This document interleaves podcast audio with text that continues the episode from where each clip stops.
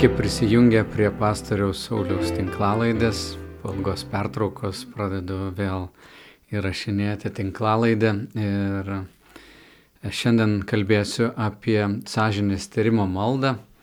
Pasakysiu, kas tai yra, kodėl verta paversti sąžinės tyrimo maldą savo kasdienę praktiką, kokia iš jos nauda ir po to pakalbėsiu apie tai, kaip tai praktikuoti ir žinoma kitą dalį įrašysime mm, pačią, patį palydėjimą šitos maldos. Kas yra sąžinės tyrimo malda? tai yra senas toks būdas, tikinčiųjų praktikuojamas daug, daug šimtmečių, galim sakyti net kelis tūkstantmečius, bet labai išpopuliarinta Ignaco Lajolos, jezuitų pradininko.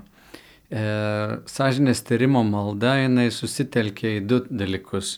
Viena tai yra mūsų sąžinės tyrimą, kurį jūs kaip žinot, sąžinė yra unikali kiekvienam žmogui. Sąžinė yra mūsų sielos dalis, kuri mums pasako, kas yra gerai ir kas yra blogai.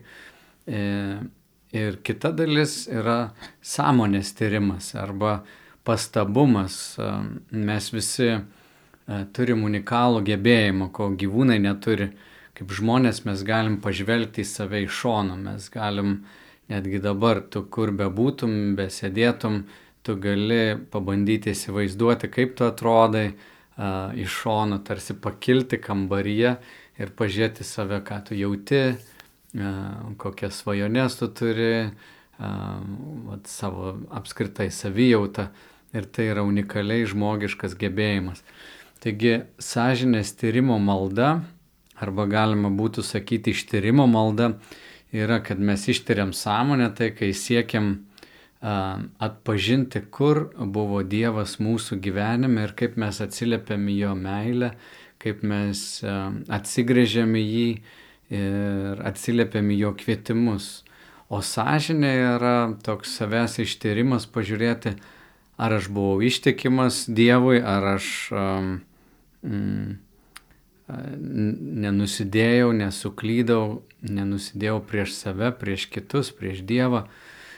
Mes tiesiog peržvelgime savo mintis, žodžius, veiksmus, už kuriuos ir atsiprašom Dievo. Taigi, dar šitas karalius Dovydas užrašė 139 psalmiai tokius žodžius: Ištirk mane Dievę, pažink mano širdį, išbandyk mane ir pažink mano mintis. Matyk, ar aš einu nedoreliu keliu ir vesk mane keliu amžinuoju.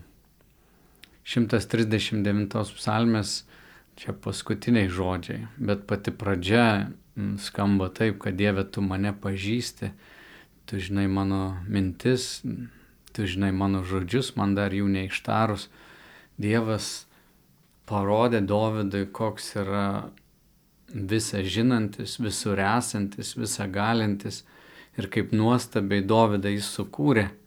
Ir kai Dovydui buvo apreikštos tos Dievo savybės, kai Dievas pats apsireiškė ir Dovydas suprato, kaip įstabu yra, kad jam dar net nepradėjus kalbėti su Dievu, Dievas jau jį žino, jau pažįsta, jį pasitinka Dovydas sako, šitos mintis yra man tiesiog, na, įstabės, gražios, šitas pažinimas man nuostabus. Ir paskui jisai prašo, Dieve, ištirk mane, pažink mane. Ir žinoma, Dievui nereikia susipažinti su Dovydu, tai yra labiau, kad Dievas parodytų, kas yra Dovydas, kas vyksta jo gyvenime. Taigi ištyrimo malda ir yra apie tai, kad mes norime atpažinti Dievo veikimą, Dievo meilės kvietimus, e, išmoktumėm pastabumo, galiausiai būtumėm jo dvasios vedami. Kodėl svarbu praktikuoti šitą maldą? Todėl, kad krikščioniškas gyvenimas, na, nėra vykdymas įstatymų įsakymų, tik tai krikščioniškas gyvenimas visų pirma yra grįžimas į tą pirmąjį sumanimą, būti santykėje su Dievu, mylėti Dievą visą širdim, visų protų, visom jėgom. Reiškia būti perkeistu Dievo meilę, sugrįžti į tą santykį, kuriam esam sukurti. Ir pasiduoti Dievo vedimui, Dievo mintims, Dievo nukreipimui, mums reikia pastabumo, turim pastebėti. Tai va šiandien didžiulis iššūkis mums yra išeiti iš to triukšmo, sustoti ir pabūti tyloje. Taigi sąžinės tyrimo malda, netrukus pasakysiu, kaip jie melsis ir kokios jos yra dalis, bet dar prieš tai mm, pasakysiu, ką reiktų atkreipti dėmesį. Ta malda įprastai jinai vyksta kokį 15 minučių, kada mes peržvelgiam visą dieną. Ir į ką svarbu atkreipti dėmesį. Vienas iš dalykų yra emocijos. Aš pamenu, buvau seminarijai mokomas, kad emocijos yra nesvarbios. Svarbiausia atnaujinti savo protą Dievo žodžiu, kad mes galėtumėm pažinti, kaip Dievas masto ir tokiu būdu mm, panašiai irgi atsilieptumėm į tą Dievo mintis ir, ir gyventumėm e, taip, kaip jam patinka pagal jo žodį. O emocijos buvo traktuojama kaip labai nepastovus, nepatikimas e, šaltinis spręsti apie save arba apie aplinką. Ir tame yra tikrai tiesos, emocijos nuolat kinta, mm, tačiau emocijos yra tai, tai yra atsakas į mūsų mintis, ką mes mastome. Ir aš pastebėjau, kad išmokti atpažinti emocijas yra didelė nauda, nes iš emocijų aš galiu atpažinti ir kokiomis mintimis aš gyvenu. Ir mums kaip žmonėms yra labai svarbu išmokti ir suprasti ne tik, ką mes mastome, bet kaip mes mastome. Ir emocijos leidžia mums nusikasti, nusigauti iki tų e, širdies gelmių, kur vyksta giliausi apmąstymai. Emocijas sunku na, sukontroliuoti, sunku labai savo pasakyti, ką jausti, jos yra tiesiog atliepis į tai, kas vyksta aplinkui, ką mes mastome bet mes galim daryti įtaką savo mintims ir kai mes a, a, išmokstame mąstyti tinkamai ir žinom, kodėl mes mastom, kaip mes mastom, mūsų emocijos jos atsiliepia į tai. Bet su emocijom mes na, galim ištirdami jas arba matydami jas galim nueiti va, iki, iki to, kas vyksta giliai mumise. Kitas dalykas toje maldoje, na, ištyrimo maldoje yra svarbu atkreipti dėmesį į išvalgas. Dievas mums dažnai duoda kažkokį pamatymą ir išvalgą. Kai Dievas prabyla, kartai žmonės sako, tu girdi Dievą. Na, nėra taip, kad aš girdžiu balsus. Jeigu girdėčiau konkrečius tokius balsus, sakančius mane iki kairę ar dešinę, susirūpinčiau savo psichinę turbūt sveikata. Bet Dievo kalbėjimas yra tylus, subtilus ir kartais jis pasireiškia tokiomis išvalgomis arba ateina tarsi mintis, tarsi vaizdinys, tarsi įspūdis, kaip kokia intuicija ir, ir, ir mums svarbu išmokti um, pastebėti tuos judesius. Nes kai šventoji dvasia mūsų veda, tikrai netrenkia mums per galvą, sakydama, suki kairę, suki dešinę Dievas kviečia mus į švelnų, nuoširdų santyki paremtą meilę, įsiklausimu, pagarba, klusnumu. Ir tai yra toks jautrus dalykas, kurį mes vystom, kaip ir bet kurie santykiai. Mes esam jautrus kaip žmonės, jautrus įsižeidimams, pažeminimams, kaltinimams ir panašiai. Mes juos atpažįstam, nuo mažumės vaikai gali atpažinti tuos judesius, kas vyksta išorė ir kaip jie paveikia mus. Taigi, būdami toj maldoj, atkreipiam dėmesį emocijas, atkreipiam dėmesį išvalgas, prisiminimus. Dievas iškelia mums prisiminimus ir a, ta tyrimo malda yra žvilgsnis atgal, tai nėra žvilgsnis į priekį, mes tiesiog žvelgiam atgal ir peržym o kur aš pastebėjau Dievą. Na ir kitas dalykas, yra patartinas būtų visą tai užrašyti, kai būni maldoje, kai praleidi laiką maldoje, užsirašyk tai, ką patyrėjai. Aš turėjau tokią patirtį, kai mane palidėjo vienas bičiulis ir, na, dvasinis iš tikrųjų palidėtojas, jis um, metus, beveik du metus mane lydėjo ir aš rašydavau dienoraštį tiesiog ryte atsikėlęs anksti, aš užrašydavau, kur aš esu, tada užrašydavau, kas įvyko dieną prieš, ką aš ten mačiau, ką išgyvenau, ką pastebėjau savo vidiniam gyvenime, tada užrašydavau kažkokią dvasinę tiesą arba Biblijos ištrauką ir medituodavau arba mąstydavau apie ją kokią 20-30 minučių ir stebėdavau, kas vyksta irgi manyje. Ir pabūdavau paskui tyloj ir po to užrašydavau, kokias malonės gaudavau ir visą tai rašiau į dienoraštį, kurį skaitė mano dvasinis palidėtojas ir jis pakomentuodavo, kaip jam atrodydavo iš šalies, kur šventoji dvasia lydėjo mane, ką, ką jį kartojau, į ką reiktų gal atkreipti dėmesį. Taigi dienoraštis irgi labai naudinga tokia praktika, apie tai galima būtų atskirą įrašą padaryti. Na, o dabar penkios dalis pačios tos maldos.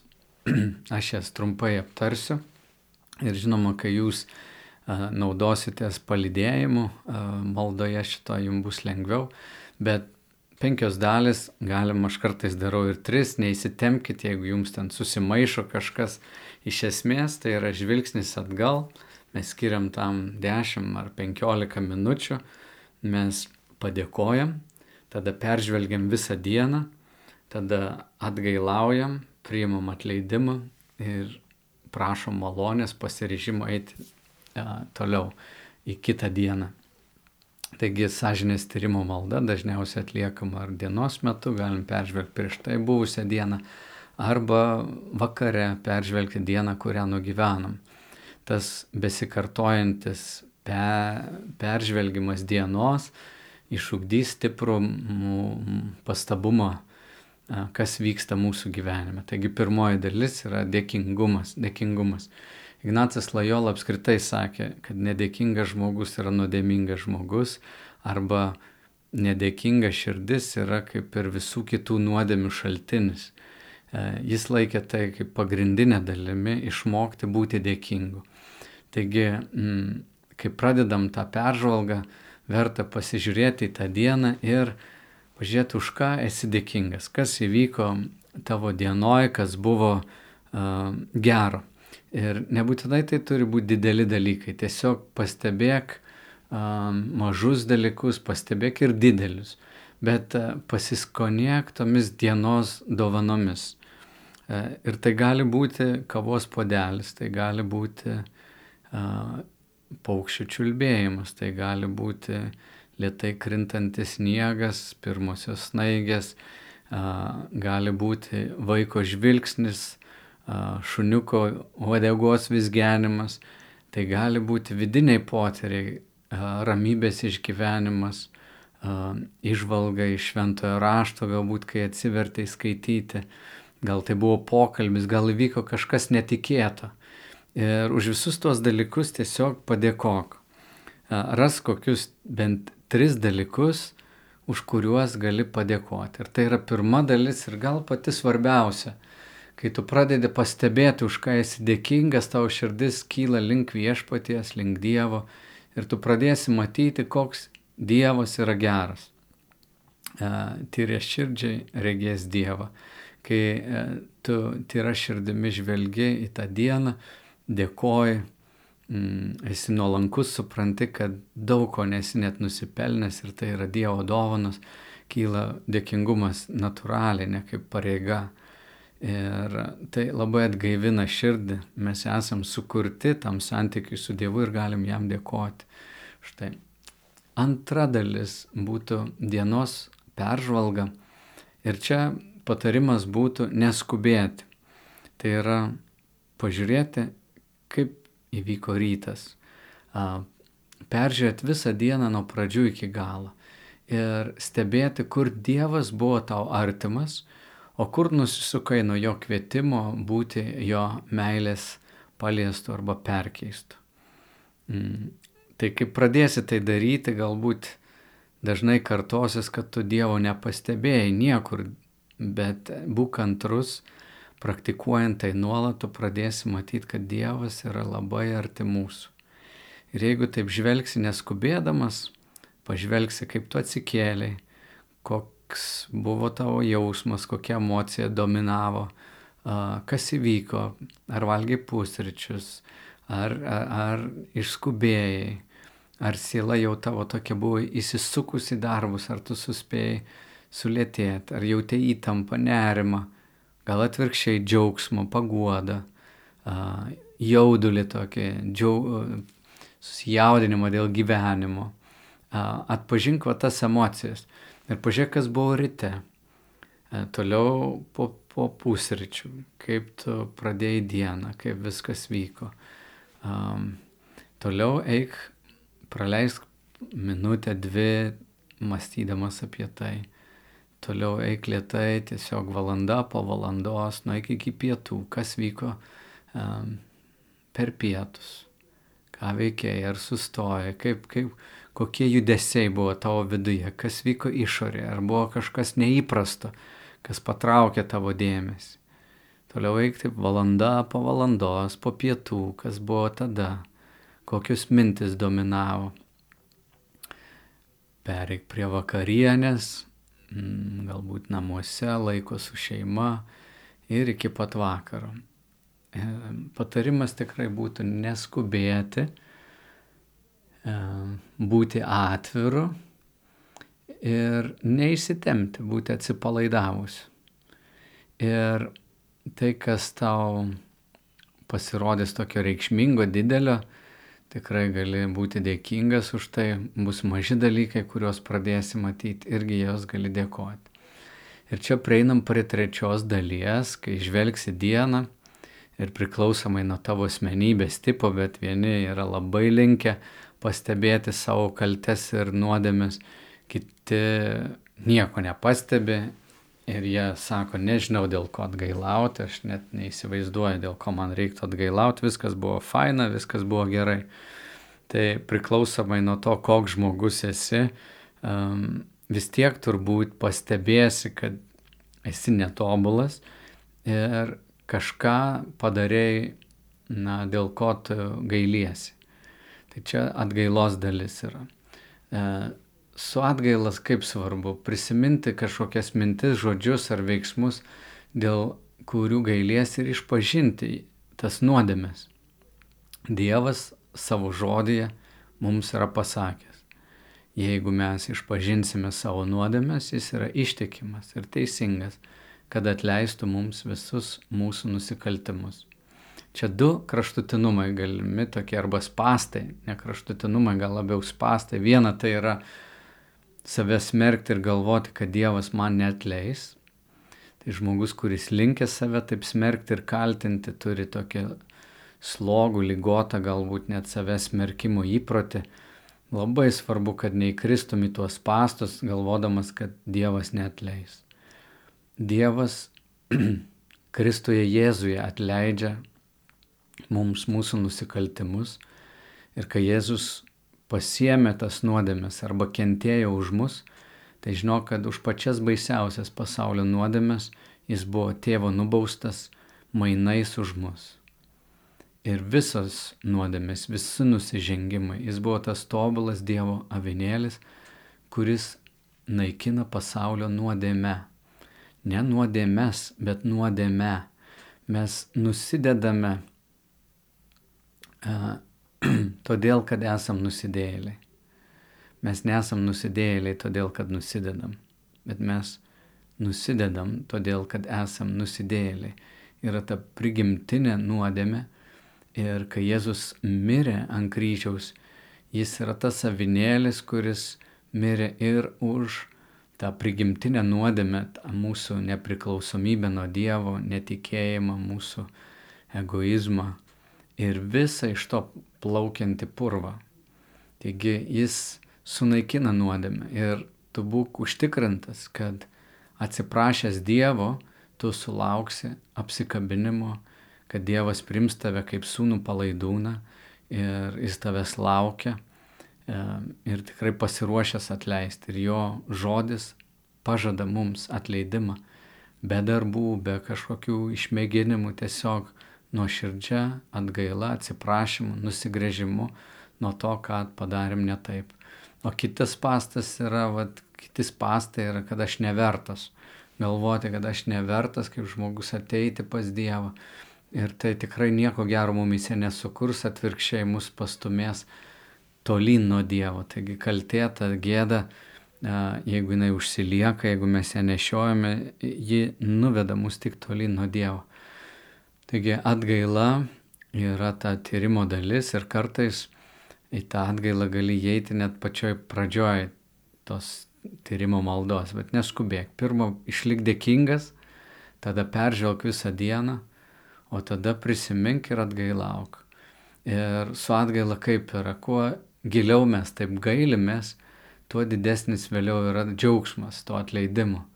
Jeigu mes kažkaip paviršutiniškai viską žiūrim, sakom, Dievas geras, mylintis, viskas ok, jokių problemų, tai žinok, kad tavo ir džiaugsmas nebus toks gilus, kai mes suprantam, kokia baisi yra nuodėmė. Nes nuodėmė yra atskirties nuo Dievo būsena. Bažnyčios tėvai apie tai kalba, kad tai yra atskir, atskirties nuo Dievo būsena. Ir Dievas išsilgęs to susitaikymo, mums svarbu nepasilikti toje nuodėmėje, e, bet kuo greičiau prašyti atleidimo.